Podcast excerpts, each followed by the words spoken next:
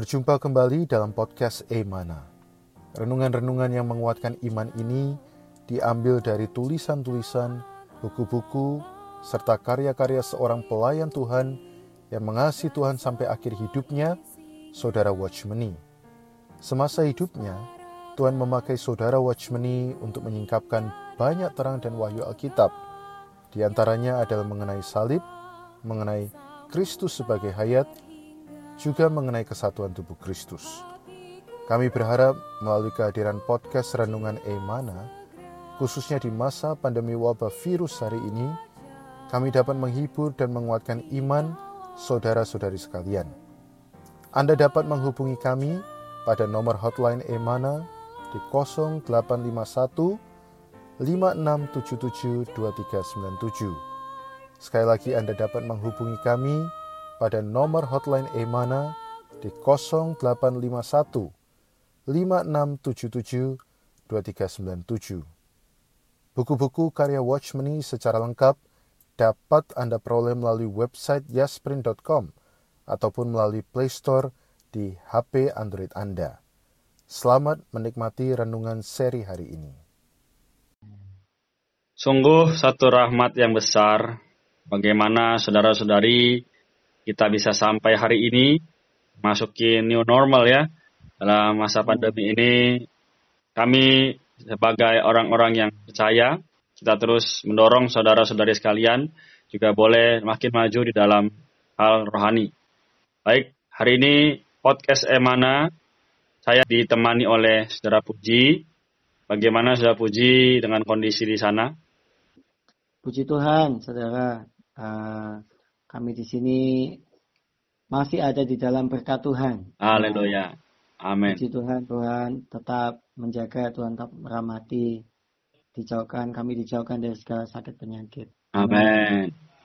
Ya, mulia bagi Tuhan. Jadi, saudari sekalian, hari ini kita akan membahas topik dari bagaimana memahami diri sendiri dan terang Allah yang diambil dengan judul dari mana datangnya terang Allah.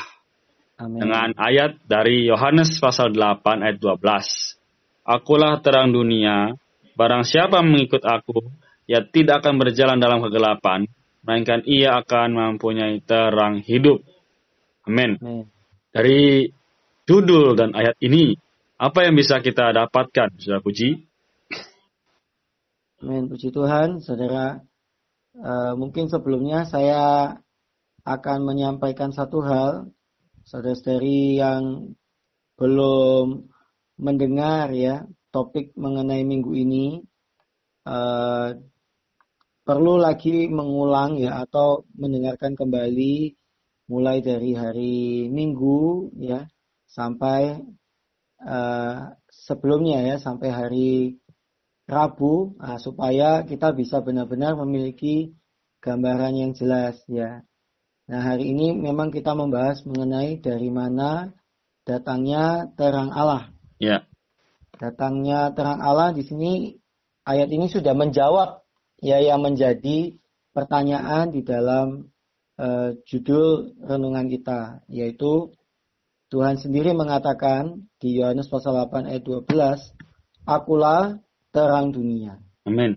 Nah, Saudara, amin. Dari mana kita bisa mendapat terang Allah? Kita perlu mencari ya, kita perlu datang kepada Tuhan Yesus.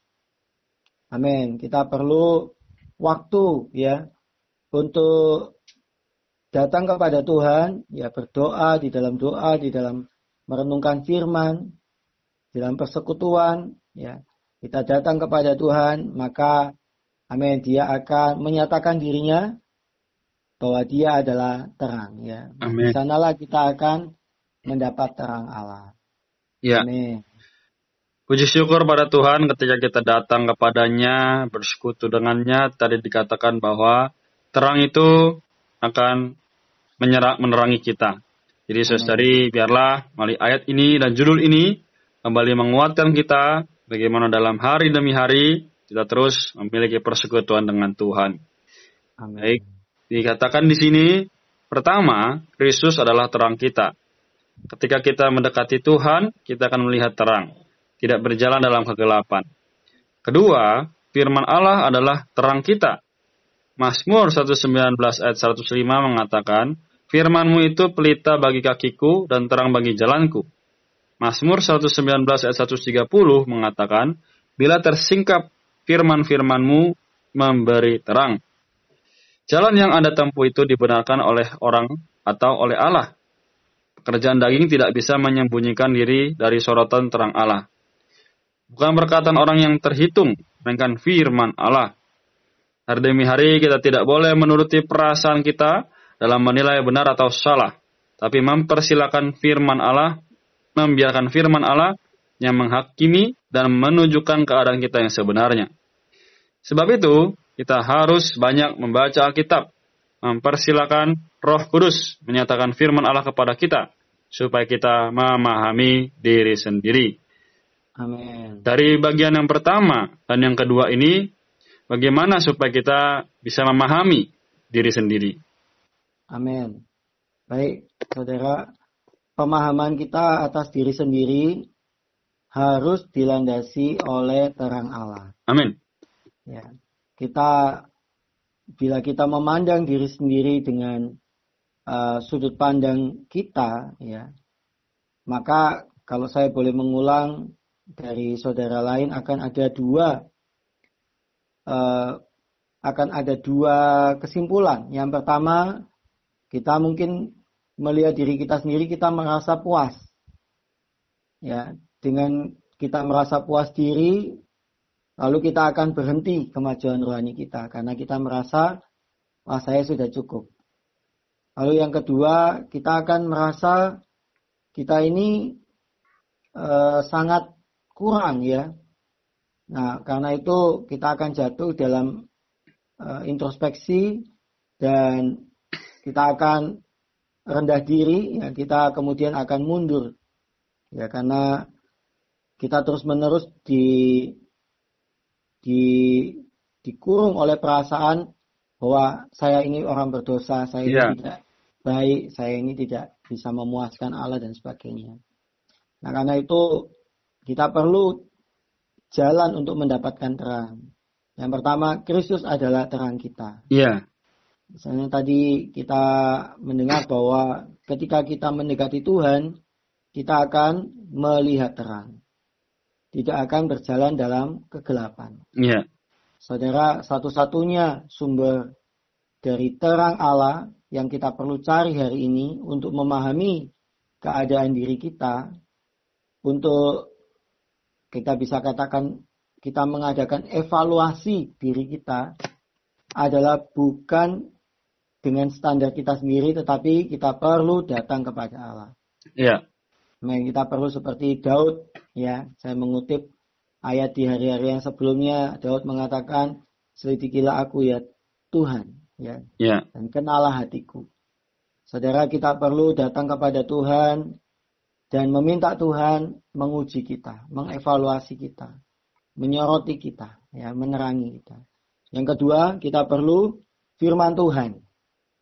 Nah, saudara, firman Tuhan sangat jelas mengatakan di Mazmur pasal 119 ayat 130 bahwa di sana dikatakan bila tersingkap firman-firmanmu memberi terang. Yeah. Ya. Di ayat 105 mengatakan firmanmu itu pelita bagi kakiku dan terang bagi jalanku. Betul. Jadi ketika kita membaca firman selalu ada dua hal yang akan menyoroti kita. Yeah. Yang pertama adalah kita menjadi semakin mengenal Allah. Ya, terang ini yang pertama menunjukkan siapakah diri Allah. Mm -hmm. Dan terang di dalam firman yang kedua menunjukkan siapakah diri kita atau keadaan kita saat itu. Ya. Ya, saudara, ketika kita membaca firman, kita perlu di dalam uh, pencarian akan dua hal ini. Ya, ketika kita bertemu dengan firman, maka kita mencari Tuhan, jika ingin mewahyukan dirimu sebagai apa hari ini. Ya. ya. Uh, tambahkan pengenalanku atas di, di kau. Yang kedua adalah Tuhan, bagaimana firman ini dengan diriku? Tuhan, apakah aku sudah sesuai dengan firman ini? Ya. Apakah aku perlu bertobat? Ya. Nah, biasanya sih memang kita akan dibawa ke dalam Tuhan, kita menyadari kita perlu bertobat karena kita belum cocok, belum sesuai dengan keadaan firman Tuhan saat itu. Ya. Amin. Jadi, saudara-saudari, kita perlu mengingat bahwa kita harus mendekati Tuhan. Maka barulah di saat itu kita melihat terang. Yang kedua, firman Allah adalah satu-satunya terang yang bisa membuat kita lebih memahami diri sendiri. Jadi saudara-saudari, tadi saudara Puji sudah katakan, jangan lagi kita mencari atau bahkan menggunakan diri kita sendiri, tapi harus dengan baik-baik mencerna atau melihat kepada firman Allah. Amin. Amin. Kita lanjutkan saudara-saudari dikatakan, yang ketiga, orang Kristen adalah terang kita. Matius 5 ayat 14 mengatakan, kamu adalah terang dunia. Umumnya kita menganggap arti perkataan ini hanya mengacu kepada perbuatan baik orang Kristen. Sesungguhnya kalimat ini mengandung makna yang sangat dalam. Ayat itu mengatakan orang Kristen adalah terang. Seorang Kristen bisa menyingkapkan keadaan yang sebenarnya dari seseorang. Banyak orang Kristen takut bertemu dengan orang Kristen yang berada dalam terang Allah. Seolah-olah Begitu melihat dia, dirinya langsung dihakimi. Orang Kristen yang lemah tidak takut bertemu dengan orang Kristen yang berada dalam keadaan yang sama dengannya. Tetapi ketika dia mendekati seorang Kristen yang di dalam terang, dia segera merasa malu. Tadinya ada Anda sombong, begitu diterangi olehnya Anda merasa malu. Tadinya Anda tidak tulus, setelah diterangi olehnya Anda merasa malu. Saudara-saudari, kita adalah orang-orang yang melakukan pekerjaan Allah, melayani Allah. Kalau kita tidak memiliki terang Allah, kita tidak bisa bekerja. Kalau kita tidak bisa membuat seseorang menjadi lebih dekat dengan Allah, itu dikarenakan kita tidak menerangi Dia. Kalau kita adalah orang yang mendekati Allah, yang diatur oleh terang Allah secara konstan, dengan sendirinya kita akan menyingkapkan keadaan sebenarnya dari orang yang mendekati kita. Kalau kita mau menaati kehendak Allah, melakukan pekerjaan Allah, kita harus menjadi terang. Amin. Jadi melalui potongan ini, saudara puji, bagaimana orang Kristen adalah terang kita. Amin. Ya, saudara kita selain di dalam pencarian kita, ya di dalam waktu doa kita, waktu persekutuan kita dengan Tuhan secara pribadi, selain juga di dalam Eh, membaca firman, ya mendapatkan terang dari Allah, sehingga kita bisa mengenal Allah, mengenal diri kita. Kita juga bisa mendapatkan terang melalui persekutuan, ya bersama dengan saudara-saudari. Khususnya di sini adalah persekutuan dengan saudara-saudari yang lain yang lebih matang di dalam kerohanian. Ya, saudara-saudari kita perlu mencari persekutuan. Amen. Kalau kita merasa diri kita saat itu lemah, ya, kita mungkin sedang jatuh dalam introspeksi. Ya. Kita mungkin melihat diri kita banyak kegagalan, ya kita merasa kita tidak sesuai dengan firman Tuhan, kita merasa pelayanan kita tidak berhasil dan sebagainya. Saudara-saudari jangan tetap dalam keadaan seperti itu, ya dalam keadaan dilemahkan terus-menerus. Kita perlu mencari terang, ya. Dan kita bisa menemukannya melalui persekutuan dengan saudara-saudari yang lebih rohani, lebih matang di dalam Tuhan. Kadang-kadang kalau kita sudah dalam keadaan yang sangat lemah, membaca Alkitab juga tidak terlalu bisa menolong. Ya. Misalnya seperti itu. Betul. Karena apa? Karena kita sudah di ditawan ya dengan konsepsi kita, sudah dihalang-halangi ya, sudah yeah. diselubungi oleh konsepsi kita terhadap kegagalan kelemahan kita. Yeah. Karena itu kita perlu persekutuan. Nah, saudara, terhadap hal ini ya, kita harus mengikuti urutan yang ada di dalam bacaan kita, ada yeah. di ya. dalam renungan kita. Yang pertama, kita datang ke dalam Tuhan. Yang kedua, kita datang ke dalam firman.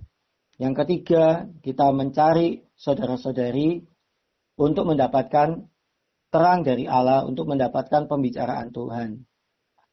Kita tidak bisa memutar ya balik urutannya. Ya. Hari ini banyak orang yang ketika dia ada masalah, ketika dia ada kelemahan, dia tidak terlebih dulu datang pada Tuhan, tetapi segera mencari manusia ya. Nah, ini juga tidak tepat ya kita perlu datang kepada Tuhan terlebih dulu. Ya, kalau memang kita belum tembus, ya persekutuan kita mungkin ada selubung, ya mungkin ada masalah sehingga kita tidak bisa diterangi oleh Tuhan secara pribadi. Kita datang ke dalam Firman, mungkin Firman juga belum bisa menerangi kita, kita harus mencari persekutuan. Betul. Amin. Nah, dari pengalaman saya, saudara-saudari kita yang matang, pengalaman-pengalaman rohani mereka mungkin sudah begitu maju. Nah, mereka mungkin sudah pernah mengalami apa yang kita alami saat ini. Maka amin, mereka bisa membagikan ya pengalaman-pengalaman mereka. Ya, terang yang dari Allah yang mereka sudah alami, mereka bisa bagikan kepada kita. Nah, tapi ada di sisi lain ini saudara. Ya, yeah. kalau saya tadi kan berbicara di sisi kita yang lemah. Nah, sekarang kita perlu juga jangan lemah terus. Ya. Yeah. Kita perlu juga menjadi terang.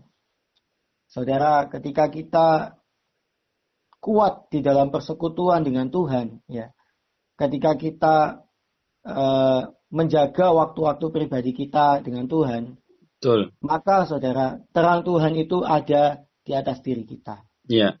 Ya, maka kita bisa menjadi bantuan ya bagi orang lain yang sedang dalam kelemahan. Ya. Amin.